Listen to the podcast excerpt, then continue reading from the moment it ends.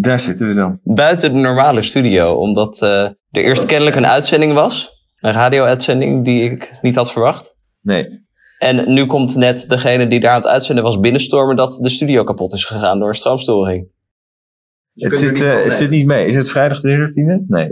Maar misschien is zaterdag februari wel een nieuwe vrijdag de 13e, denk ik. Nou, maar ik heb er wel zin in eigenlijk. Ja, ik ook. En, en zeker omdat we nog een nieuw iemand erbij hebben. Ja.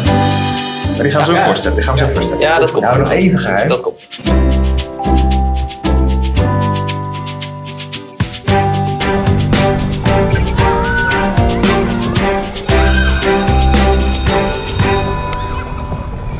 Welkom bij de God dat zie je niet vaak podcast, aflevering 2 van seizoen 3. Mijn naam is Sander. Mijn naam is Dominique. En ik ben Koen. Ja, en wie in vredesnaam is Koen, zou je denken? Ja, wie? Wie is Ja. dat? Ja, Het, het, het is een stem en een naam die ik niet eerder heb gehoord in deze podcast. Eh, ja zeker wel. ja, Zeker wel. wel? Ja, Ja, zeker wel. Dan moeten we eigenlijk even nu een kleine flashback doen. ja.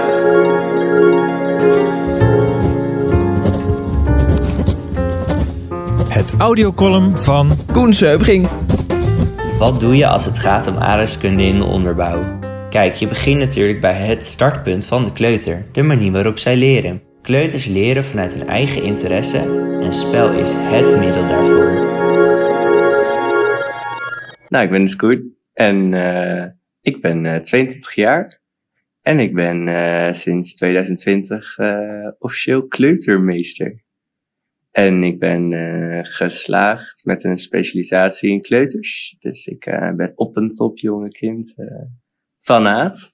Eh, ja, en ik werk op een eh super schattig klein schooltje in, eh, in Amersfoort. Ja, Oké. gaaf. Eh, ja, echt tof. Ja, en wat voor, groep, wat voor groepje heb je ongeveer? Eh, nou, ik heb een, nu nog een klein clubje van 21, maar eh, dat eh, groeit. Dus eh, met instromers. Ja. Maar eh, ik heb een hele diverse groep. Heel veel, eh, zowel jongens als meisjes divers, maar ook qua beetje bevolkingsgroep. We hebben volksbuurt, we hebben een eh, eh, beetje rijke luistraat. Lekker gemixt. Ja, fantastisch. Elke dag wat nieuws. Klinkt goed. En nu schuif je dus regelmatig eh, aan, hopen wij, bij de podcast. Ja, leuk. Heb je er een beetje zin in? Ja, ik heb er echt heel veel zin in. Ja, ik eh, ben dus niet zo ervaren nog met podcast opnemen. Mhm. Maar ik vind kennis vergaren heel leuk. Dus ik hoop vooral dat toe te kunnen voegen. En ik eh, hou gewoon van praten over onderwijs. Dus eh, Nou, dat is, dat is Ja, de bedoeling inderdaad. Het zou, zou sneu zijn als je erbij zou zitten en, wij, eh, en, en je zegt niks. Dus dat is wel heel fijn.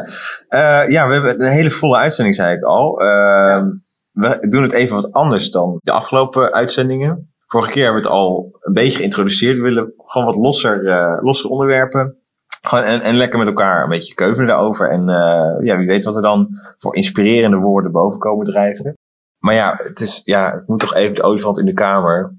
Jij Ja. hebt het in het draaiboek gezet, Sander. Ja, maar- sorry. We moeten het toch even hebben over eh, corona. onze beste vriend. Hè, gemeenschappelijk eh, interesse op het moment van eh, de hele wereld, kun je wel zeggen. zeggen. dat verbindt ons. Precies. Nee, de, de vorige aflevering hebben we het erover gehad dat, eh, dat het toen nog omspande ten tijde van de opname of de scholen zouden opengaan of niet. En eh, gelukkig zijn de basisscholen toen weer open gegaan na de kerstvakantie en konden we weer lekker aan de slag. Alleen eh, waar ik toen wel bang voor was, dat er een mogelijk knipperlichtonderwijs zou ontstaan. Oh ja. Dat de scholen weer open zouden gaan, maar dat het binnen de kortste keren weer dicht zou gaan en dan weer open en weer dicht. Ja. Hoe is dat bij jullie gegaan? Zijn er veel besmettingen geweest? Veel collega's die thuis zitten? Ik eh, denk dat bij mij op school, vooral in de bovenbouw, was best wel af en aan. Dan weer naar school, dan weer de leerkracht corona, dan weer niet corona, dan weer een leerling, dan weer de hele klas. We hadden de regel van bij drie leerlingen moet de hele groep in quarantaine. Mhm. En ja, nu zit er ook een beetje addertje onder het gras, want ik weet niet hoe goed ouders bij ons zelf testen. Dus ik heb het idee dat ik ook al lang drie heb gehad, maar ik heb dus nooit drie gehad. Drie kinderen. Maar eh, ja, nee, ik was vooral niet zozeer bang voor dit knipperlichtschool, maar ik was heel bang voor, eh, voor die week voor de kerstvakantie eh gingen de scholen dicht. Dan heb je twee weken kerstvakantie, ben je drie weken verder. En ik heb ook nog eh, even een weekje eruit gelegen. Dus toen ben ik vier weken niet in de klas geweest. Dus ik was heel bang voor al mijn resultaten die ik met de kinderen had geboekt, ook weer vanaf vooraf aan kon beginnen. Ja. En daar ben ik vooral een beetje huiverig voor geweest. Ja, toch wel een beetje knipperlicht onderwijs, maar dan op Ja. heel veel verschillende manieren. Ja, nee, ik heb Ja. eigenlijk er heel weinig last van gehad, maar dat heb ik sowieso de hele corona. Ik heb idee ik overal een beetje zo tussendoor... eh, Jij feest gewoon verder. Ja, nou ja, nou, ja, misschien komt het daardoor dat het nog steeds er is. Nee, dat denk ik niet. Nee, maar ja, ik heb nooit helemaal eh, echt eh, diep in, in shit gezeten daardoor. Ehm, maar het is nu wel inderdaad dat, dat er leerkrachten en ook inderdaad leerlingen ook bij, bij bosjes nou, neervallen, om het even oneerbiedig te zeggen. Maar ook gewoon door, door verkoudheid. Of eh, ik heb zelfs een roodvonk eh, in de klas gehad. Dat schijnt ook heel besmettelijk te zijn. Ja. Maar je merkte niks aan de kinderen of zo? Dat je dacht van, joh, ik had een leerling, daar had ik echt... eh Nee, nou, die luisterde nu wel naar mij. En dan komt Nou, hij weer wel. terug en dan Ja, weer ja. opeens niet. Ja, dat wel. Inderdaad, gewoon, gewoon eh, wel een kleiner clubje. Want ik heb normaal 29 kinderen. En nu waren dat er eh, 21 of zo. En dat scheelt dan wel weer in, 29. in een iets rustiger sfeer. Maar ja, het is nooit leuk natuurlijk als kinderen thuis zitten. Maar eh, nee, ik heb er geen ernstige klachten van gehad. Van joh, eh, wat nu? Eh, Nou, fijn. en ook nooit thuis hoeven zitten daarvoor. Dus. Nou, bij mij hetzelfde verhaal. Ook als ik kijk naar mijn groep. Het was in het najaar bij ons op school heel erg dat er veel uitval was. Heel veel besmettingen. In mijn groep viel toen nog mee, maar er werden er heel veel uit voorzorg thuis gehouden. Dus dat ik inderdaad hetzelfde als eh, Dominique had. Ook met 29 kinderen in de klas. Dat er opeens eh 18 waren of zo. Dat je er een heel klein clubje overhoudt. Ja. Maar na de kerstvakantie is er een soort van rust ingekomen. Er zijn er wel bepaalde klassen nog eh, aardig besmet geraakt. Maar bij mij tot nu toe twee besmettingen. Dus eh, Ja. het valt mij gelukkig. Ik had wel een knipperlicht juf bij de kleuters. Er was een invaljuf, die zou tot eind januari zou ze blijven. Had vorige week afscheid genomen. Helemaal met de kinderen een feestje gevierd en zo. En eh, nou, mochten ze de week erop mochten ze weer invallen, want de juf was ziek. Dus echt afscheid genomen en daarna, oh, toch weer lesgeven. Dus eh, nou, de, de knipperlichte juf eh, bestond dan wel. Dan rapporten bij de kleuters. Ik vind het een ding. Ik ben dit schooljaar gestart als leerkracht. Ja. En tijdens mijn stages heb ik wel wat aan rapporten gedaan. Ik heb wat rapporten geschreven voor enkele leerlingen, wat onderdelen getoetst. Maar dat waren dan enkele rapporten. En nu moet ik voor mijn volledige klas, voor alle 29 kinderen, rapporten gaan schrijven. En eh, ik, ik zit er nu nog middenin. De afgelopen week ben ik heel druk bezig geweest met observeren om eh, die leerlijnen maar vol te krijgen en alles goed in beeld te hebben. Dus eh, telkens kinderen individueel ook geprobeerd te toetsen op bepaalde doelen. Dan heb ik wel de luxe van onderwijsassistenten die op dat soort momenten de klas over kon nemen. Oh, kijk. Eh, dus, dus dat zit nu wel gebakken. Alleen nu ben ik bij het schrijven beland. En nu ten tijde van de opname is aankomende vrijdag, 11 februari, de deadline. Dan verwachten alle ouders keurig een rapport. Ja. En je moet nog beginnen, of niet? Lieve ouders van eh, CSV Ridderhof, een kijkje achter de schermen. ja. Ik moet nog aardig wat schrijven. Ah, Ja. snert. Gewoon een klassieke bladzijde in een map met bolletjes en een tekstje. Nee, Moet ik het zo zien? Nee, Of, eh, ik zal direct even toelichten hoe de rapporten in elkaar steken, want ik vind dat het best wel mooi geregeld is. Ehm, er is nog een tweede kleuterklas naast en daar staat eh, juf Connie. En daar kan ik gelukkig altijd heel veel aan vragen en dat is echt een eh, oude rot in het vak. En zij heeft mij toegelicht waarom ze een aantal jaar geleden hebben besloten van de bolletjes af te gaan. Want op een gegeven moment hadden zij een leerlijnsysteem en dat werd dus heel uitgebreid uitgekoud met bolletjes en cijfers zelfs. En daar werd dan een stuk tekst bij geschreven bij de kleuters. Hmm. Maar toen waren ze veel meer bezig met eh, al die hokjes afvinken dan echt naar het kind te kijken.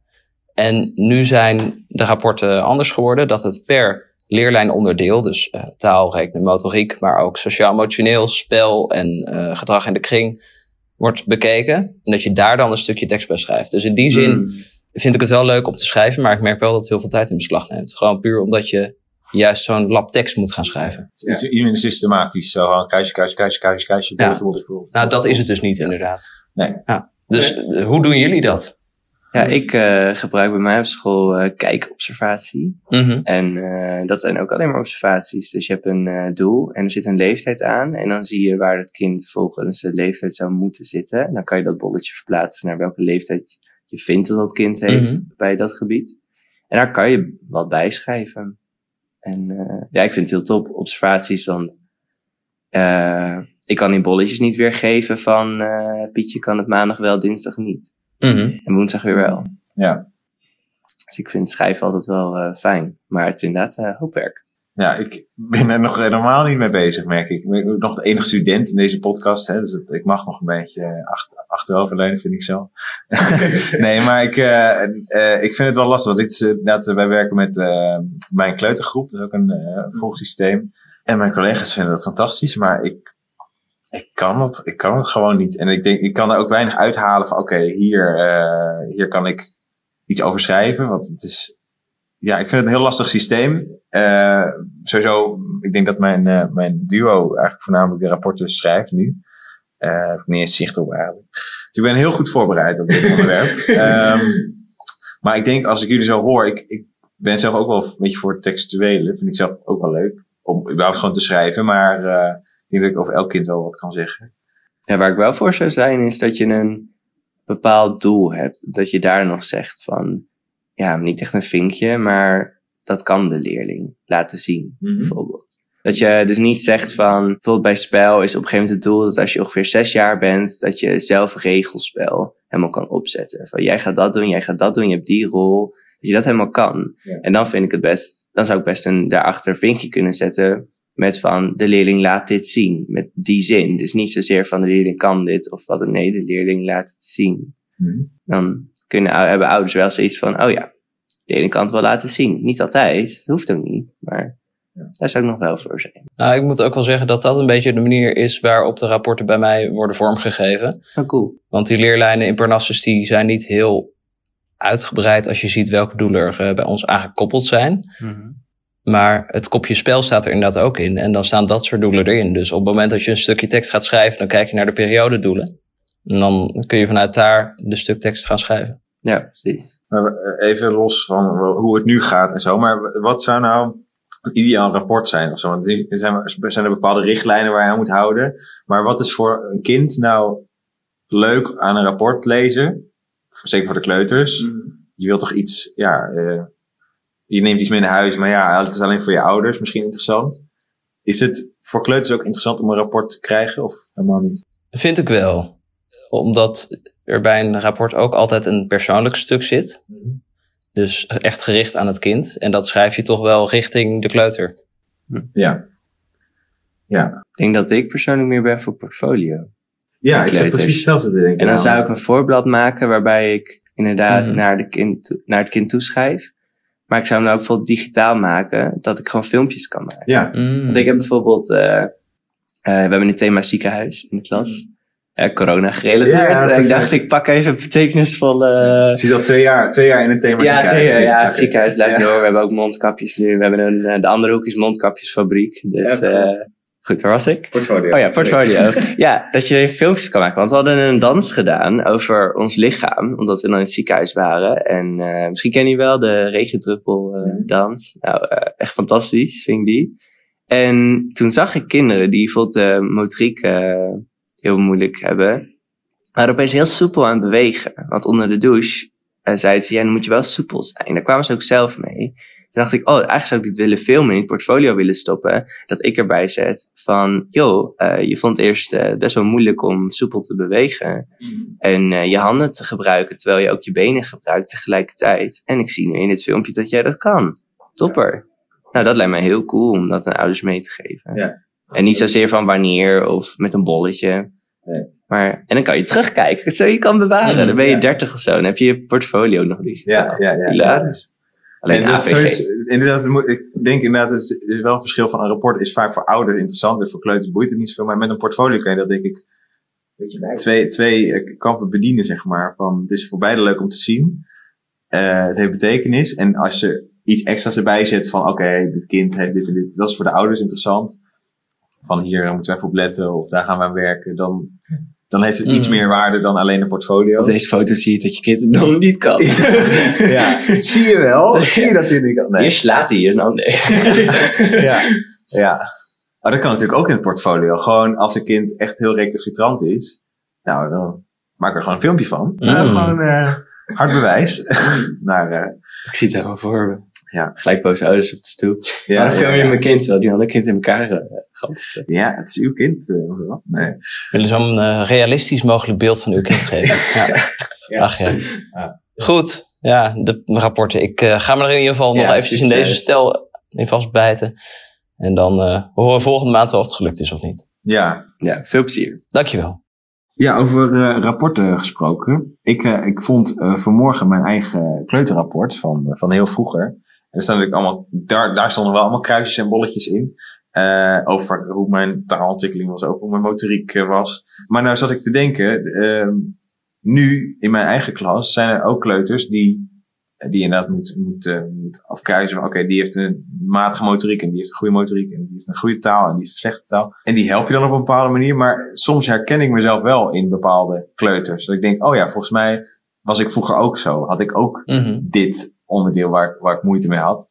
En ehm eh, nou, toen moest ik denken aan jou, Sander. Want we hebben het laatst een keer gehad over jouw motoriek. Dat is soms wel lachwekkend, eh, flauw gezegd. Tijdens een spelletje kolonisten kan jij een dobbelsteen aan de andere kant van de kamer gooien op een of andere manier. En in plaats van op het bord waar het, eh, waar het moet zijn. Maar jij hebt dan waarschijnlijk vroeger ook misschien wel in de kleuterklas een bepaalde motorische ontwikkeling doorgemaakt. Die anders is geweest dan andere kinderen. En ik ben wel benieuwd hoe wij als kleuters vroeger waren. Als je het over motoriek hebt, dan kan ik mij nog wel één ding herinneren. Dat ik altijd wel heel eh, grof was. Ja? ik kan mij nog herinneren dat, ja, dat, dat mocht toen nog, in verband met de brandveiligheid mag het tegenwoordig niet meer. Maar mijn eh, kleuterjuf die had door de klas een hele slinger gemaakt met allemaal eh, haak- en breiwerkjes. Die had ze thuis mooi in elkaar geknutseld en die had ze er hangen. En ik was dan die ene kleuter die gewoon lekker klunzig was. En eh, eh, lekker hoog liep met dingen. Dus op een gegeven moment had ik volgens mij een bezem gepakt. En die had ik in de lucht gehouden. Was ik door de klas gaan lopen. Was een van die haakwerkjes naar beneden eh, komen vallen. En die was kapot. Dus Ja, ja, ja. ja, het stukje zat niet heel erg goed. Maar vervolgens Mocht je met je fijne motoriek dat dingetje opnieuw gaan nou, breien. d- dat, dat vond ik een heel interessant iets als ik al terugkijk. Eh, Van, goh, zou ik ook zo handelen of zou ik het toch even anders oplossen? Vervolgens was hij ontzettend boos op mij geworden. En heeft ze tegen mijn moeder gezegd... Ja, Sander die heeft het kapot gemaakt, dus jij moet het gaan eh, maken thuis. Tegen jouw moeder? Oh, man. Ah, Oké. Ja. Dus eh, nou ja, mijn motoriek die heeft ervoor gezorgd dat mijn moeder eh, het haakwerkje van de juf eh, kon gaan maken. Dus eh, En kon je moeder haken? ja, gelukkig wel. Oh, nou, kijk. Dat, dat kon ze wel. Gewoon een half jaar studeren om Ja. te kunnen haken. En op een cursus gegaan om die juf weer blij te maken. Ja. Wauw. Ja. Maar jij was dus eh, vrij wilde kleuter. Uh, wild zou ik niet omschrijven, maar meer onhandig. Onhandig. Ik denk dat ik de ene kleuter ben die gewoon lekker onhandig door de klas dendert. Dat, Ja. ja. Maar was je dan nog wel het kind dat gewoon lekker aan het verwonderen was en dan gewoon vol struikelde? Was je dan zo'n kleuter?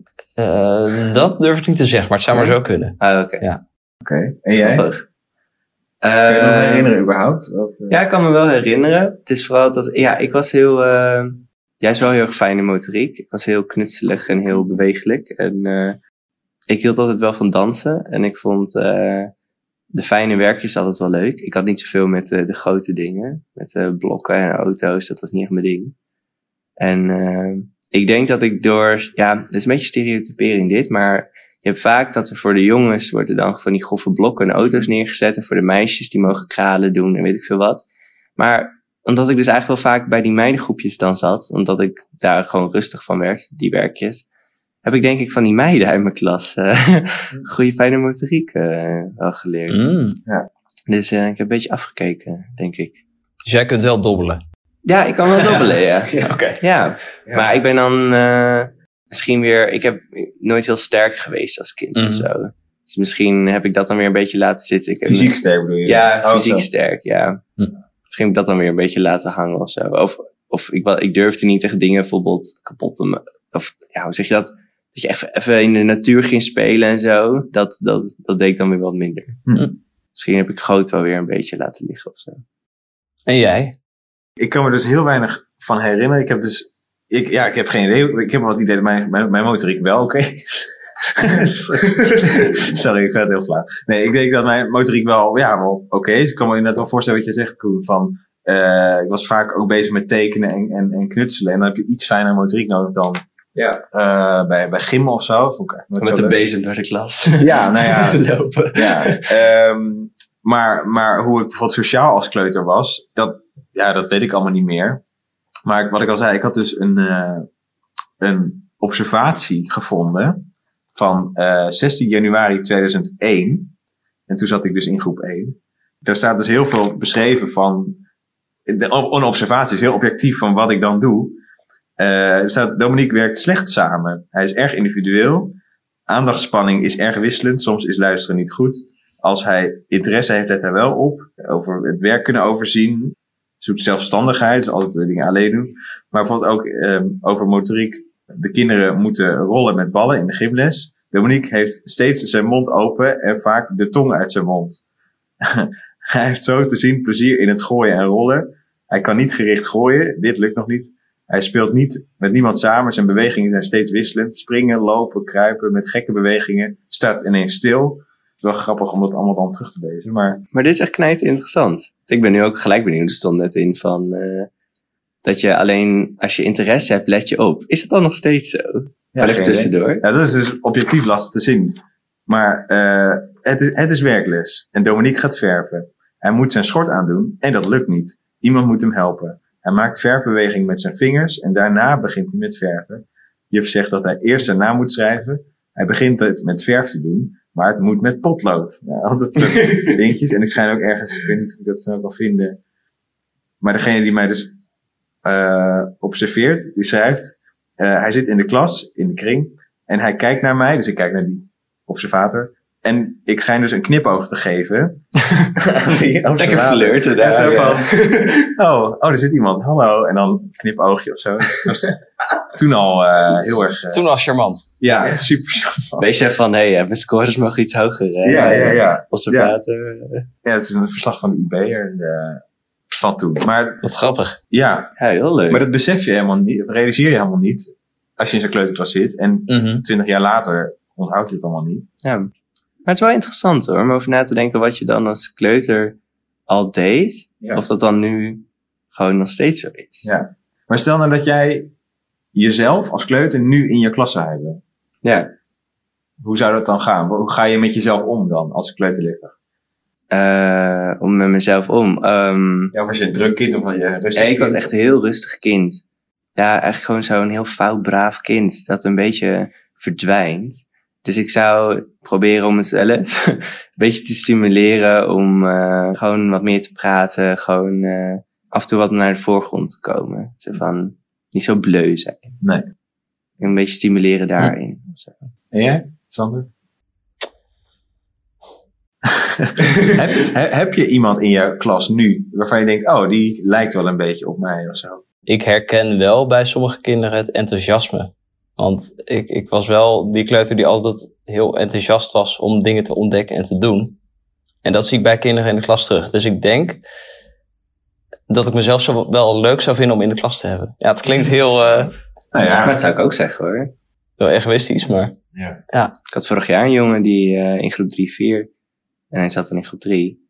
En eh, ik heb tegen jou ook gezegd. Ja, ik was ook zo. Precies zo. mhm. Ja, dat was wel heel grappig. Maar ik had wel een goede band met hem daardoor. ja. Ik zei bijvoorbeeld, oh, jij vindt dansen best wel leuk, hè? Het was echt zo, ja, echt helemaal blij. Zeg ik, ja, dat zie ik aan je. Dat ik gewoon wist dat ik dat ook wel leuk vond. Ja, ik weet niet of ik mezelf eh, zou handelen in de klas of zo. Inderdaad, sommige kinderen zijn... Heel, ik was heel dromerig, dat weet ik wel. En ik heb nu ook heel veel dromerige kinderen in de klas. En als ik zeg, we gaan opruimen... Nou, dan zijn dat de laatste kinderen die gaan opruimen. En dan... Ja, op sommige momenten verlies ik dan mijn geduld. Dus ik zou denk ik best wel streng voor mezelf zijn. Zo van, Ja. ja, eh, kom, eh, opruimen. En eh, nou...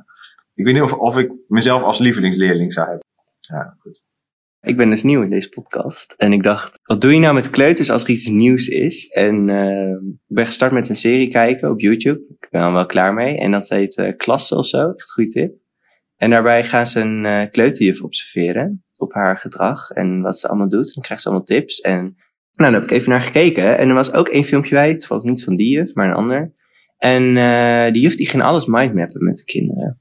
En dan zat het hem vooral in dat er heel veel voordelen aan zitten. Dus je gaat met elkaar in gesprek. Dus je leert de kinderen gewoon over een onderwerp nadenken. Van we gaan iets doen. Of eh, zij had het voorbeeld, ze gingen naar zwemles. En zij zei gewoon, we gaan morgen naar zwemles. Nou, de kinderen begonnen een beetje te babbelen. Tot op een gegeven moment ook een kind zei, oh, dan moet je wel wat meenemen. Nou, en zo het gesprek. En zij zei, oké, stop, dan pak ik een papier. En wat jullie bedenken, schrijf ik op. Nou, wat moet er dan in het midden? Nou, zwemles. Nou, begint zij... eh, streepjes eromheen, echt zo'n mindmap. En de kinderen gingen dan zelf alles opnoemen. En wat zij zei, de kinderen vergeten bij mij nooit hun spullen. Echt nooit. Want ze hebben zelf bedacht wat ze mee moeten nemen. Mhm. En ze zei, de kinderen leggen de relatie met geschreven taal. Van waarom schrijf je nou iets op? Oh ja, om te onthouden. Of om, uh, uh, dat je het weer terug kan lezen. Of wat dan ook. En uh, nou, begon ik ook, heb ik ook toegepast in mijn klas. En ik, elk thema ga ik nu aan het begin mindmappen met ze. Wat weten we al en wat willen we weten? En dan kun je tijdens het thema af en toe die mindmap erbij pakken. Weten we al iets meer? Kunnen we al een vraag beantwoorden? En kunnen we de vraag niet beantwoorden? Dan kun je weer verder onderzoek doen. En is er misschien nog een nieuwe hoek nodig. Of moet ik een opdracht verzinnen? En ik houd het altijd heel vragend hoor. Want dan, we hadden bijvoorbeeld nu de vraag van wat betekent kneuzen, zag ik al bij een collega. En, uh, kneuzen? Ja, als je iets oh, ja, gekneusd ja, ja. hebt, van wat betekent dat? Ja, ook zo ja. En uh, uh, wij hadden bijvoorbeeld de vraag, uh, oh moet ik even goed nadenken hoor, met ambulance iets, van hoe dat nou precies werkt en uh, wie werkt er nou allemaal in het ziekenhuis. En op een gegeven moment zei ik, weten we daar het antwoord al op? En nou, dat was eigenlijk nog best wel vaag. Dus toen hebben we maar wat meer onderzoek gedaan. En nou, in dat filmpje zag je dan, was wel het ideale klasje hoor, want ze hadden een heel klein klasje. En dan ging ze daarna, met wie een kind die een echt een goede onderzoeksvraag had, ging ze naar de onderzoekstafel en dan ging ze daar de vraag opzoeken in boeken, op de computer, wat dan ook. Maar uh, ja, ik, vond, ik was echt benieuwd of jullie ook uh, dit soort dingen doen. En uh, ja, ik zag dit en toen dacht ik, wow, dit is wel echt iets om te doen, vooral als nieuw is. En het is helemaal niet moeilijk, want het enige wat je nodig hebt is een stuk papier en de kinderen. Ik heb het vorig jaar heel veel gedaan in mijn afstudeergroep. Daar werkten ze met IPC. Ik weet niet of dat jullie bekend is, maar ja. mocht je het niet kennen, één thema staat een periode centraal. En bij dat thema wordt niet uh, vanuit de leerkracht alles aangeleverd, maar de kinderen die gaan zelf echt bedenken van uh, hoe kunnen we het thema invullen. Mm. En wat hebben we allemaal nodig in de hoek die dan in de klas komt. Dus daarbij was er aan de start van ieder thema inderdaad ook een mindmap met de kinderen. Uh, wat hebben we allemaal nodig? Wat moet er uh, in de klas komen? Wat kunnen we allemaal met het thema doen? Waar denk je aan? En zo ging je dat aanvullen. En ik heb het recent al nog gedaan met uh, een heel klein iets. Ik wilde al een tijdje een wasmachine in mijn huishoek. En toen ben ik daar heel klein bij begonnen. Ja, een echte wasmachine. Dus ik had al een kartonnen doos. En daar had ik een, een deurtje in gemaakt. En dat was de wasmachine, die was af. Toen heb ik aan de kinderen gevraagd van, nou, kunnen we hem nu al neerzetten? En toen kwamen de kinderen met het idee van, nou, dat, dat gaat nog niet werken, meester. Want er moet nog een aanknop op. Ja. En ook nog een vakje waar de zeep in kan. En we hebben water nodig om erin te doen. En uh, als ik thuis uh, bij de wasmachine bij mama sta of bij papa, dan zie ik dat daar ook nog een andere knop op zit waar we de temperatuur kunnen regelen. Ja. Dus de kinderen die komen daar zelf allemaal mee en vervolgens ga je dat uitvoeren en uh, toevoegen aan die wasmachine. Maar dat was meer, het, het voorwerp was de mindmap dan eigenlijk. Ja, of, of ja het hoofdonderwerp. Ja. Maar in dat, want je zegt via IPC dat de kinderen dan zelf het thema soort van invullen ik zat wel te denken van in hoeverre stuur je dan toch een beetje? Want ik heb wel eens een mindmap gemaakt en dat ik dacht, ja, eigenlijk uh, vergeten we een heel groot onderdeel wat best belangrijk is. Alleen de kleuters komen daar zelf dan niet op. Hoe uh, is dan, moet je dat gaan sturen van oké, okay, dit woord moet eigenlijk ook in de mindmap. Want het is gewoon belangrijk. Mm, of ja. laat je dat dan achterwege? Hoe denken jullie daarover? Nou, ik zou het zelf een beetje zien als je bent op dat moment begeleider van de kinderen. Dus je begeleidt hen. Nou, en hoe vind je het fijn als je bijvoorbeeld zelf begeleid wordt? Dat je bijvoorbeeld uh, een tip krijgt. Of dat je doorvraagt. Of ja. een beetje uh, op die manier uh, zou ik het doen. Dus als je bijvoorbeeld echt een... Als je zoiets hebt van help, maar we moeten die hoek nog inrichten en niemand komt erop. Ja. Dat je bijvoorbeeld zegt van... Oké, okay, en waar gaan we dit dan doen? Mm -hmm. Bijvoorbeeld zo'n soort vraag. Ja. En komt niemand dan komt niemand. Want dat is ook wel een beetje het idee van mindmap. Hè? Als, als het klaar is, is het klaar. We hadden ook wel een keer dat we nog helemaal niet over de hoek hadden gehad. En dacht ik, nou, blijkbaar is het gesprek klaar. En op een gegeven moment komt er, uh, twee dagen later kwam een meisje naar me toe. Maar we hebben nog helemaal geen hoek bedacht. Nou, dan gingen we weer zitten. Ja. Mm -hmm. Dus ja. Ja, je kunt, over, maar je kunt het inderdaad als een groot project neerzetten. Van oké, okay, over één onderwerp doen we een grote mindmap. Mm -hmm. Maar in dat filmpje van, uh, dat zal ik misschien ook in de beschrijving zetten. Ja. Ging het ook over, oké, okay, inderdaad, we gaan morgen zwemmen. Nou, dan maken we even een mini mindmap. Ja, ja. Wat hebben we nodig? Waar gaan we naartoe? Wat kan je daar doen? Uh, en dan is ja, zelfs vergeten hun kleren bijvoorbeeld. Ja. Wat bedoel je dan? Nee, ja, dat, nee, dat bedoel ik niet. Maar gewoon uh, als een groot onderwerp. Uh, ik had bijvoorbeeld een keer een, een thema kleuren. En dan ging, en dan kon ze een paar kleuren opnoemen en verf en, en eh, kleurpotloden. Maar het mengen van kleuren, dan denk ik, ja, dat, dat, dat, daar kwamen ze niet zo gauw op. Weet je, die zonne van naast ontwikkeling. Ja, Die ja. opzoeken. Ja, en dan denk ik op een gegeven moment, je kunt doorvragen. Om te kijken, oké, komen ze erop? Maar als ze er niet op komen, ja, dan is het misschien dan niet wat je, wat je dan moet behandelen of zo. Of, eh nou, goed. Ik weet Ja, niet in nee. hoeverre de sturing vanuit de leerkracht Nou, gewenst is. Als ik naar sturing kijk, dan, dan zou ik toch weer even terug kunnen naar die wasmachine. Op een gegeven moment waren, er, eh, eh, waren we op het punt gekomen dat die aan zou moeten. En dan was de vraag van, ja, wat moet er nog meer? En, oh ja, er moet water in. En eh zei een van de kinderen, ja, dan kun je met een bekertje wat water erin doen. En toen ben ik een beetje gaan sturen op de manier van, nou, stel dat je nou thuis voor de wasmachine staat en eh er gaan spullen in. Eh, gooit papa of mama dan ook met een bekertje er water in? Mm, Nee, nee, dat was dan niet zo. Ja, realiteit terughalen. En Je hebt een hele wateraansluiting in je klas. eh ja, Ja, overstroming. Ja. Maar toen kwam in de, inderdaad de vraag van, ja, hoe komt dat water er dan in? En toen was er een kleuter die bedacht van, hé, hey, eh, komt dat er dan niet aan de achterkant in met een, eh, met een leiding? Op die manier stuur je toch een beetje, maar bedenken de kinderen het uiteindelijk wel zelf. Ja, ja, misschien is er ook ergens gewoon een grens aan van, oké, weet je, dit onderwerp is gewoon te groot. Dus we moeten het kaderen. Dat, dat kan me wel voorstellen. Maar Ja, maar wat je ook nog zou kunnen doen is dat je het eh, open houdt. Oké, dit weten we nu. Daarna kan je in een kleine kring, grote kring over mengen doen. Ja. En dan zeg je, hey, we hebben vorige week gemindmapped. Was dit echt alles? Ja. Nou, dan kan je gelijk eh, je controle van begrip doen. ja, ja, ja. Heeft iemand eh, onthouden waar het over ging? Ja, inderdaad, het, het, het onderwerp wat dan mist, inderdaad even concreet maken. En de- inderdaad dat je, als het woord mengen niet gevallen is, nou inderdaad een lesje Ja. van, oké, ik ga kleuren mengen. Ik zeg, het, ik zeg niet dat het mengen heet, maar daar komen ze dan zelf mee. Of, nou, dan noem je het dan misschien wel. Ik zou het begrip wel noemen, ja. Het is Ja. echt een nieuw begrip. Ja, ja dat je kan verwachten. het, kunnen misschien wel eh, bedenken, maar Ja, maar die hebben dat uiteindelijk ook wel weer geleerd ergens van. Ja. Maar goed, in ieder geval, ik vind gewoon mindmappen vind ik gewoon echt een eh, cool iets. En je kan, eh, wat eh Sander ook net al zei, van je werkt echt vanuit de kinderen opeens. Want je wordt door mindmappen verplicht Ja. om de rest te vragen om hun mening. Ook al vind je als leerkracht het heel moeilijk om de sturing los te laten. Maar mindmappen moet je wel een beetje, want je gaat niet in je eentje te mindmappen met een groep kinderen naast je. Leuke tip. En de documentaire is uiteraard terug te vinden in de show notes. Dan eventjes eh, voor eh, de oudere luisteraars onder ons. Ehm, als je niet boven de 18 bent, is het handig om eventjes eh, toestemming te vragen aan je ouders of je verder mag luisteren. En anders luister lekker verder. Want ja, de, ik, het, er baart me iets zorgen. En ik plak er gewoon even de term de 18-plus kleuter op. Want steeds vaker op het schoolplein of zo kom ik dingetjes tegen dat ik denk, hmm, volgens mij ben je daar nog een beetje te jong voor als kleuter. Eh, ja, Koen, je zei voor de podcast al even van, het zijn kinderen die in één keer liedjes van Squid Game, eh, de, de behoorlijk eh, bloederige en gewelddadige Netflix-serie, eh, dat, dat, er zit een liedje in en dat wordt op het plein gezongen door kleuters van vier. Ja. Ik denk, oké, volgens mij gaat er iets mis.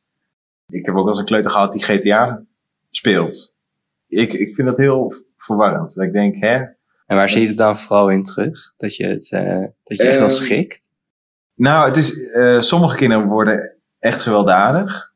En niet van... eh dat is echt ze- gedrag verandert. hè? Ja, nou, dat, dat, dat er inderdaad veel eh, eh, ja, geschoten wordt, zeg maar. eh, met, eh nou, eh, in spel, zeg maar. Of eh, eh, geduwd en getrokken en zo. En dat is op zich niet gek.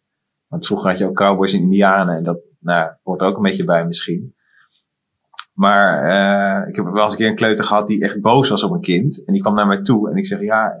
En dat kind zei, ja, ik ga hem echt doodschieten, zei hij. En ik schrok daar best wel van.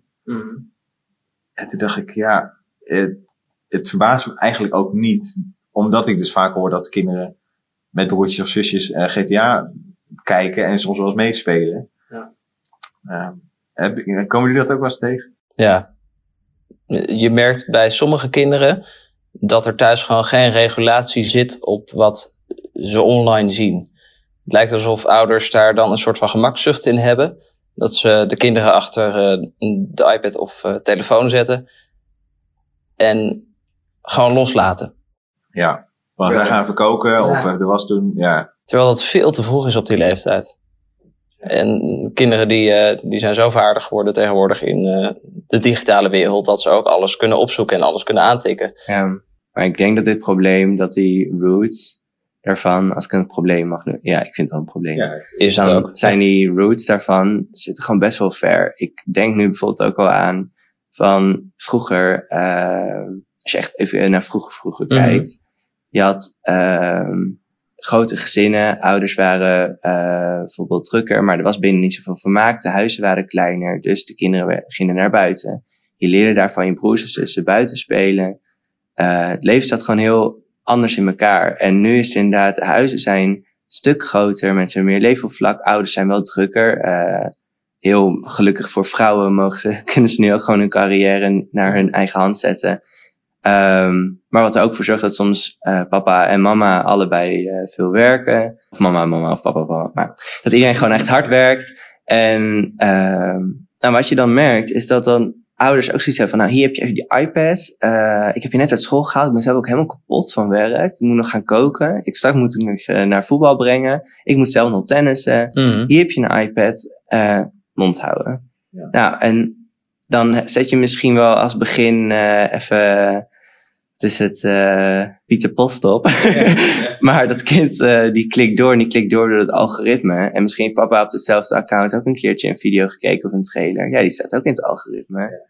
En een kind komt ergens. Of broers en zussen. Grote broer, kijk dit. Mama let niet op. Of het, eh, papa die heeft zoiets van, ja, whatever jullie doen. En dan kijkt het kind opeens met TikToks mee over Squid Game of wat dan ook. Ja.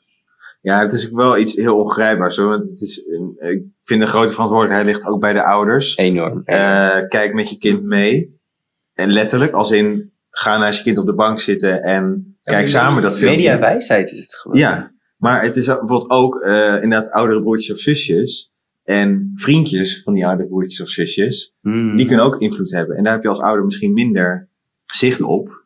Ja. Bijvoorbeeld wat er op straat gebeurt. Kijk, buitenspelen is, is heel goed. Maar ja, dan kun je ook met dingen in aanraking komen die eh, niet Ja. heel goed zijn voor een... eh, Maar buitenspelen wordt ook gewoon beïnvloed. Wat je ook al zegt met die pistolen. Je hoeft maar een paar filmpjes te hebben gekeken. eh, met je broer bijvoorbeeld. En uiteindelijk denk je, oh, nou, eh, ja, ik, ik mag nog niet van mama op een telefoon. Mhm. De ouders zijn best wel eh, zo van, nee, je moet gewoon lekker spelen. Maar hey, wat ik heb gezien was eh, schieten. Dan ga ik dat buiten met mijn vriendjes spelen. Schieten. Oh, een vriendje mag wel zijn telefoon mee naar buiten. Nou, Eh, ander dingetje, misschien is dat niet per se met 18 plus te maken, maar met het, eh, het doorklikken van het algoritme in YouTube.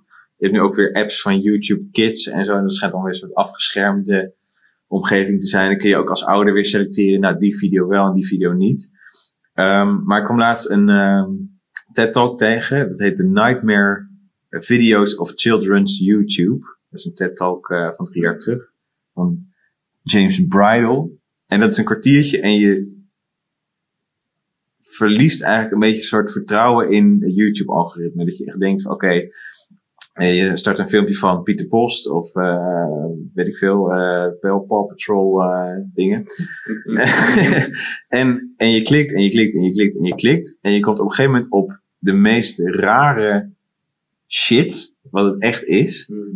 Eh, van eh, Spider-Man eh, meets Elsa meets eh, de Hulk. eh, ze hebben een eh, gezellige relatie met z'n drieën. ja, en, en dat, en dat gaat soms zo ver dat eh, YouTube denkt, oh, een video van Elsa en, eh, en Spider-Man, die zetten we eventjes in de aanbevolen video's. Maar er zit ook eh, iemand die met een mitrailleur aan het knallen is in diezelfde video. Hmm. En dat zie je niet, omdat dat allemaal, nou, dat, die algoritme ziet dat niet. Maar de kinderen komen er wel ook mee in aanraking. Dus het is echt een soort eh krochten van YouTube waar dat zich ook in afspeelt. Waar je als ouders helemaal geen zicht meer op hebt. Totdat je inderdaad zo'n even meekijkt en ziet, oh shit, eh, ze zijn iets te ver doorgeklikt. Dus, nou, ik, ik, misschien kunnen we die ook in de show notes zetten, maar ik vind dat echt een hele eh belangrijke TED-talk, ook voor ouders misschien, in te zien. Maar YouTube scant natuurlijk niet de leeftijd van de gebruiker. Nee. Dat is het hem. Het is met mijn, wie achter mijn e-mailadres zit, kan een man van 60 zijn of een kind van 6. Ja. Dat, Mhm. dat weet, dat, Hopelijk weet dat programma dat niet. Ja. Ik heb dat ook met, eh, we hebben nu eh, van die overblijfmoeders en die komen dan in de, in, tijdens de lunch even in de klas. En dan zeg ik meestal van, oké, weet je, je mag even voorlezen en even dit filmpje, een speciaal filmpje klaargezet. En eh, nou, daarna gewoon kunnen ze even kletsen met elkaar.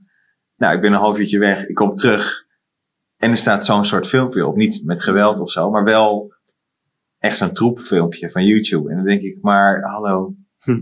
volgens mij heb ik heel duidelijk gezegd dat dat niet de bedoeling is. Want nou, ik weet gewoon dat dat niet hele goede educatieve waarde heeft voor die kinderen, denk ik. Nou, mijn lunch die wordt ook wel eens overgenomen, maar gelukkig speelt wel keurig degene die eh, het overneemt. Ofwel eh koekeloeren, Ja. of huisje boven je beestje, of rekenverhalen af. Dus Ja. eh, Ah ja, rekenverhalen, ja, grappig. ja. aanrader trouwens, mocht je rekenverhalen nog niet kennen. Ja, maar dat schooltv, dat zijn, dat Gewoon, zijn gewoon schooltv, filmpjes. alles op schooltv. Dat, Ja. Ja, en NPO is ook wel goed. Ja, Ja. NPO. Ik eh, kijk bijvoorbeeld ook veel Casper en Emma met ze. Ah, En daar is de woordenschat, schiet echt omhoog. Oké. Dat is echt leuk. Ik had laatst ook een website dat heet Kindertube. En dat is gewoon best, best een ouderwetse website. Maar er staan ook heel veel gewoon filmpjes op. Waarvan je denkt, oké, dit kan nog wel. Maar eh, ja, ik vind het zo gek dat sommige mensen dat dan niet inzien. Van, is het heel handig om dit aan te zetten? Nog over kleutermeesters gesproken ook. Je hebt zelfs op schooltv volgens mij, ik weet niet of je dat kent, want ik ben die naam vergeten nu. Dat is taal met, volgens mij Timo en Finne of zo, ja. En dan heb je twee mannen die eh, wonen op een boerderij en die hebben woordenschatfilmpjes over eh, fietsen in het bos. En het is echt mega knus. En ik heb het idee, als je als volwassene kijkt, dan hebben ze een relatie. Want ze slapen samen in bed en weet ik veel wat. Niet dat dat gelijk zegt dat je een relatie hebt, maar mhm. als, als volwassene kijk je dat je denkt, oh ja, deze twee mannen die eh, wonen op die boerderij samen. Maar als kind beleef ze echt super. Het is echt, en ze gaan alles doen ze helemaal op, eh op woordenschat. Bijvoorbeeld eh, gaan ze een schilderijtje ophangen. En dan zeggen ze zo van, het schilderij ga ik dus nu ophangen op de muur. Weet je wel? En, Ja. Oké, Maar ja, het is super grappig. En eh, ik keek het zelfs met groep 4 en die vond het nog leuk. oké. Ja, het zijn het volgens mij een paar afleveringen. Ja, het zijn er maar een paar, zijn nooit verder gegaan. Vier afleveringen taal met Timo en Finne. Ja, Timo. Ja. Timo en Finn. Ja, kijk. Leuk. Ook te vinden in de show notes. Ook naast alle andere tips. Want er staat er toch veel, hè? Ja. Dat, eh, Ja. ja. Ja, maar ik vind het wel, ik vind het wel echt iets belangrijks. Dat ik heb dat los van de kleutergroep ook een keer in groep 6 gehad. Dat Mhm. ik, eh, ik zette dan een filmpje van Donald Duck op.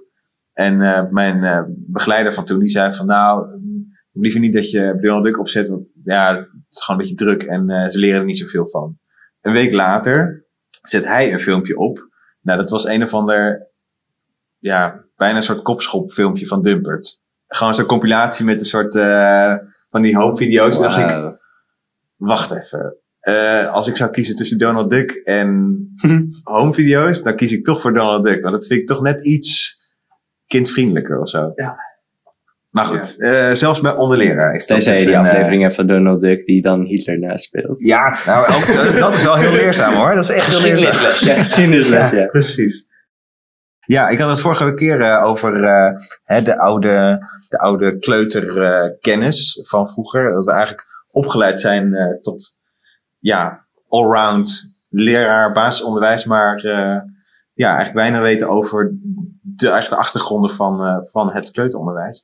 Dan heb ik een stukje geprobeerd te onderzoeken over Vreubel, omdat ik het eigenlijk altijd een beetje zo'n Gevreubel van. ja, ja, iets, ja ik, ik weet niet zo goed wat ik ermee moet voorstellen. Ehm, nou, ik heb een boek gevonden. Het enige boek wat ik kon vinden in de mediatheek op de HU. Eh, dat is een boek uit 1984. Het heet Help, ik krijg kleuters. Praktisch handboek voor het werken met ontwikkelingsmateriaal. Het ontwikkelingsmateriaal, dat kennen we allemaal, hoop ik.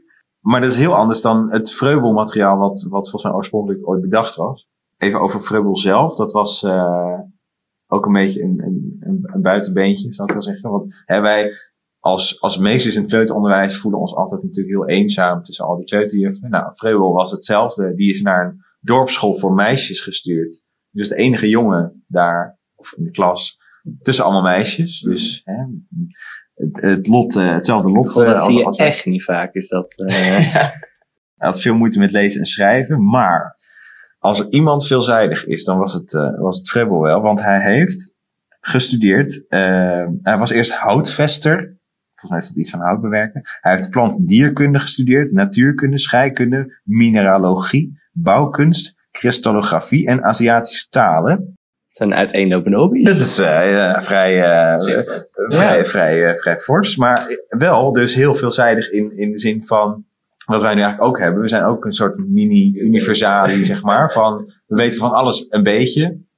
En dat gebruik je dan in je onderwijs. Maar volgens hem moest het, moet je het onderwijs eh, aanpassen aan de kinderlijke natuur en niet andersom. Dat even terzijde. Hij heeft verschillende gaven eh, ontwikkeld. Dat zijn materialen. Eh, ik weet niet of je het wel eens gezien hebt. Volgens mij had jij het in de klas, hè? eh, Koen, zei je. Ja, ja. op tafel. Ik heb er vrij- ja, meer geïnspireerd op. Ik heb niet de daadwerkelijke eh, klassieke. Nee, nee, dat snap ik. Maar dat zijn kleine, dat zijn kleine doosjes. En die bouwen eigenlijk op in, nou, moeilijkheid wou ik zeggen, maar in. in het, het begint met, met een soort eh, gehaakte bolletjes wol aan een touwtje. Dus ja, eh, daar kunnen kinderen een beetje in voelen, knijpen. eh, ze kunnen het ophangen aan een, haakje. Ze kunnen een beetje mee slingeren. Eh, tweede gave is een doos met een houten bal, een kubus en een cilinder. Ook met haakjes. Die kun je ook ophangen en ronddraaien en slingeren en dat soort dingen. Dan heb je iets wat iets meer lijkt op de, de bouwmaterialen uit onze bouwhoeken, zeg maar. De Haagse sets en zo. Maar dat zijn hele kleine blokjes die weer opgedeeld zijn in nog kleinere blokjes en nog kleinere blokjes waar je mee kunt bouwen. En dat zijn eigenlijk die, die gaven. Maar als ik het nu zo vertel, dan denk ik eigenlijk, wat, wat is het nou eigenlijk? Want ik weet nog steeds niet zo goed wat het nou is. Ik heb, het, ik heb heel veel over gelezen. Maar wat do- waar doelde hij dan op? Ja, dat, dat, dat weet ik dus niet. Het gaat, eh, hij Is hij fijne motoriek, grove motoriek? Is hij, ja, ik weet dus niet of het echt over motoriek ging. Want of gaat het zelfs over gewoon rekenen? Of, Ja, want die blokjes, die, die kun je ook weer gebruiken om, om eh, een soort cognitieve eh, dingen aan te leren in plaats van motorisch. Maar eh, bijvoorbeeld het vouwen, geef dat ook in, even kijken hoor.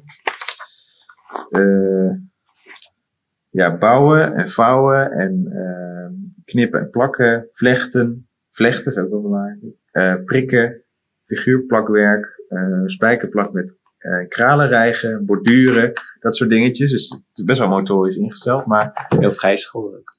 Klinkt het. Ja, dat vlechten en dat breien. dat zou kunnen. Ja, Ik weet dat op de vrije school dat je daar met handwerken, dat dat daar steeds een ding is. oké. Nou, kunnen we volgende keer onderzoeken. Maar ik merk, ik zat het te lezen en ik denk, ja, ja, het is, ik snap het nog steeds niet goed. Wat inderdaad nou, Mhm. hoe, wat het ontwikkelingsmateriaal wat we nu hebben, is volgens mij redelijk duidelijk. Je hebt het meestal met plaatjes of met eh, kralen dingen en dan weet je wat je daarmee kunt. Ja. Maar ik vind dat met dat vreugdemateriaal wel ingewikkeld. Eh, Het is niet heel eenduidig. Nou, het is heel abstract, want het gaat eigenlijk over eh, een soort holistische kijk op de wereld. Van, nou, de wereld is een eenheid. En die splitsen we steeds op in kleinere stukjes, zodat kinderen daar mee kunnen leren. Bijvoorbeeld dus zo'n bol. De bol is zeg maar het, het geheel. Ja, het wordt nu echt heel, eh, heel meta, maar... eh, en die bol, daar begint het dus mee, met die, met die gehaakte wollen bolletjes. En op een gegeven moment eh, heb je die, die kubus, die houten kubussen, en die wordt opgesplitst in delen. Ja, als ik niet over praat, ik vind het zo gaar, maar ja, het is wel, het, die vreubeldingen liggen ten grondslag aan eigenlijk alle ontwikkelingsmaterialen die er nu bestaan. Misschien moeten we gewoon een keertje een klosser uitnodigen weer in de uitzending. Die het dan even kan toelichten en eh, Ja, ons daarin wijzer kan maken. Ja, want ik zit nu, ik heb dus een vreubelkast in mijn klas, Mhm. maar die heb ik vooral gevuld met, eh, met de kraden en met de met, eh strijkkraden en dat soort dingen. En loose parts. Dus dat is gewoon, we hebben op school echt een huge kast met allemaal gewoon van kurkflesje, zeggen gewoon die kurkdoppen tot eh, boomstammetjes. Ja. En dan leg ik gewoon in de kast per thema even wat eh, andere soorten die een beetje lijken. Zoals we hebben nu dan vooral heel veel pilletjes. Mm. Voor, en dan, eh nou, ze kunnen het of sorteren of er iets van maken. En wanneer jij zegt met al die bollen en zo, Ja. ik, nou, volgens mij heb, heb ik mijn kast verkeerd genoemd. Want, Nou eh, ja, het, ik, wat- volgens mij heb ik het vorige keer ook in de vorige podcast verkeerd gezegd. Want ik dacht het vreubelen, hè, vreubelen is eh, een beetje met je vingers iets eh, motorisch. Maar het, is, blijkt volgens mij iets heel anders te zijn. Het is niet fout dat je dat denkt, want ik denk... Nee. Volgens mij is dat nu gewoon ook van, nou gaan we even vreubelen en friebelen. Ja. En, eh, Ja, Een term geworden. ja. Ja, want vorige over die poppets en zo, dat is nu helemaal in. Maar dat heeft volgens mij helemaal niks met vreugde dan te maken. Alleen het, het friemelen, dat is het. Friemelen. Maar het is gaas wel bijzonder dat er een heel boek over hem is. En je weet eigenlijk zelf na het lezen de visie en het doel nog eigenlijk Nee. niet helemaal. En dat, is, dat staat ook wel in het boek beschreven, dat het vaak eh, helemaal verkeerd begrepen is. Zijn aanpak. Dan moet je ook even opschrijven wat hij bedoelt. eh. Ja, ja het- wees, wees eens duidelijk. Nee, maar het is inderdaad, het, het ligt wel eh, ten grondslag aan, aan allerlei eh, andere visies van Montessori en eh Steiner volgens mij.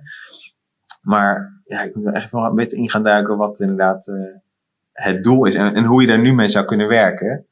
Eh, want ook heel veel materialen worden ook niet meer verkocht als eh, originele vreubelmaterialen. Nee. Maar je kunt het wel zelf maken als je het leuk vindt. Dus ja, ik ben er nog niet helemaal eh, over uitgelezen. Maar ik vind het wel, het fascineert me wel. Het is niet dat ik denk, oh, pff, wat gaar en eh, ik zet het terzijde. Maar Nou, ik denk nog vooral aan hoe betekenisvol het nou is. Want wat je zegt, de ontwikkelingsmaterialen van nu, die zijn dan een beetje geëvalueerd tot je hebt gewoon een plaatje en dan kun je bijvoorbeeld een letter aan koppelen of ja, weet ik veel wat. Maar ik moet zeggen dat ik die juist nu ook wel weer uit mijn klas haal. Ja. Want we zijn, het kan zijn met thema ziekenhuis bezig. En dan, als ik nu een spelletje gewoon in de kast leg, één, het wordt niet gepakt. Want het heeft helemaal niks te maken met het thema. En ook eh, merk ik dat ze dan bijvoorbeeld veel leuker vinden als ik gewoon een boekje bij de receptiebalie neerleg en dan mogen ze gewoon in, in schrijven en krabbelen. ja, Dat Mhm. vinden ze veel leuker. Dan maak ik eigenlijk mijn eigen ontwikkelingsmateriaal. En Ja. de kralen laat ik bijvoorbeeld wel staan. Maar daarop hebben we voorbeelden van een ambulance die ze na moeten maken. Dus het doel is, ik kan niets namaken. Mhm. Dus ja, het is... eh, Ja.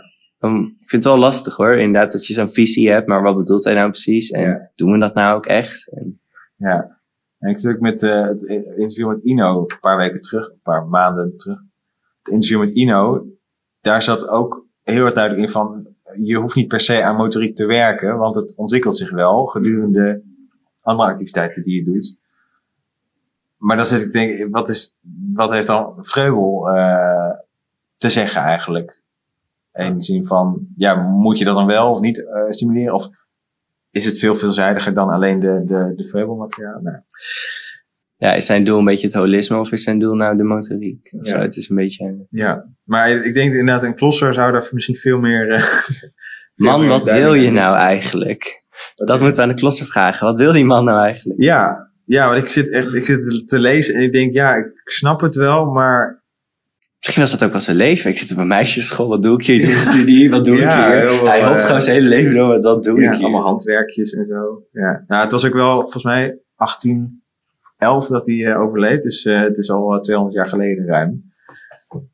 Dus in de tussentijd is er heel veel veranderd. Maar eh, ik vond het heel lastig om het nou een beetje goed te kunnen Snap duiden. ik. Ja. Dus ben of ken jij een klosser en luister je naar de podcast? Alsjeblieft. Neem even contact op. Zo. Nou, we zijn er doorheen eh, ongeveer. Toch? Ja, we we zijn aan het einde gekomen van deze aflevering. Ik vond het best pittig. We hebben echt veel, eh, veel besproken ook. Mocht je nou deze aflevering dingen hebben gehoord die niet klopten, hè? Ik bedoel, wij, eh, wij zijn mensen. Vreubel. Ja, over Vreubel heel bijvoorbeeld. Ja. Wij zijn ook mensen, wij maken ook fouten. Laat het ons even weten, zodat we het de volgende aflevering kunnen corrigeren. Misschien heb je voor de volgende aflevering ook wel tips en eh, eh, interessante onderwerpen die we kunnen bespreken. Wil je zelf een keer zitten gast zijn in deze podcast? Stuur ons dan even een berichtje op Instagram. God, dat zie je niet vaak. G-O-H, dat zie je niet vaak. En ook op Facebook onder die naam zijn we te vinden. Dan komt het onze kant op. Ga bij er wat mee doen. Ja. Nou, Koen, bedankt. Sander, bedankt. Dominique, bedankt. Ja, Dominique, Sander, bedankt. En de luisteraar ook bedankt voor het luisteren. Ja, Mocht je nou eh, in een podcast-app zitten waar je kunt beoordelen, beoordeel ons. Mag met één ster zijn als je het helemaal niks vond. nou, nee, dat gaan we niet doen. Dat gaan we niet doen. Vijf sterren. nou, we doen geen bolletjes meer. Hè? Ik wil echt een observatie. eh. een rapport. Aantal sterren maakt niet uit. Als je maar een, eh, een observatie en eh, een leuk stuk tekst achterlaat, dan eh, zijn we er. Goed, Tot volgende keer. tot de volgende keer inderdaad. Joejoe. Wat gaan we doen nu? Koffie drinken of... eh, Ja, ik moet, ik moet mijn bus halen. Oh, jij moet je bus halen. Dus we kunnen niet meer roddelen over ouders. Nee. Oh. Volgende keer.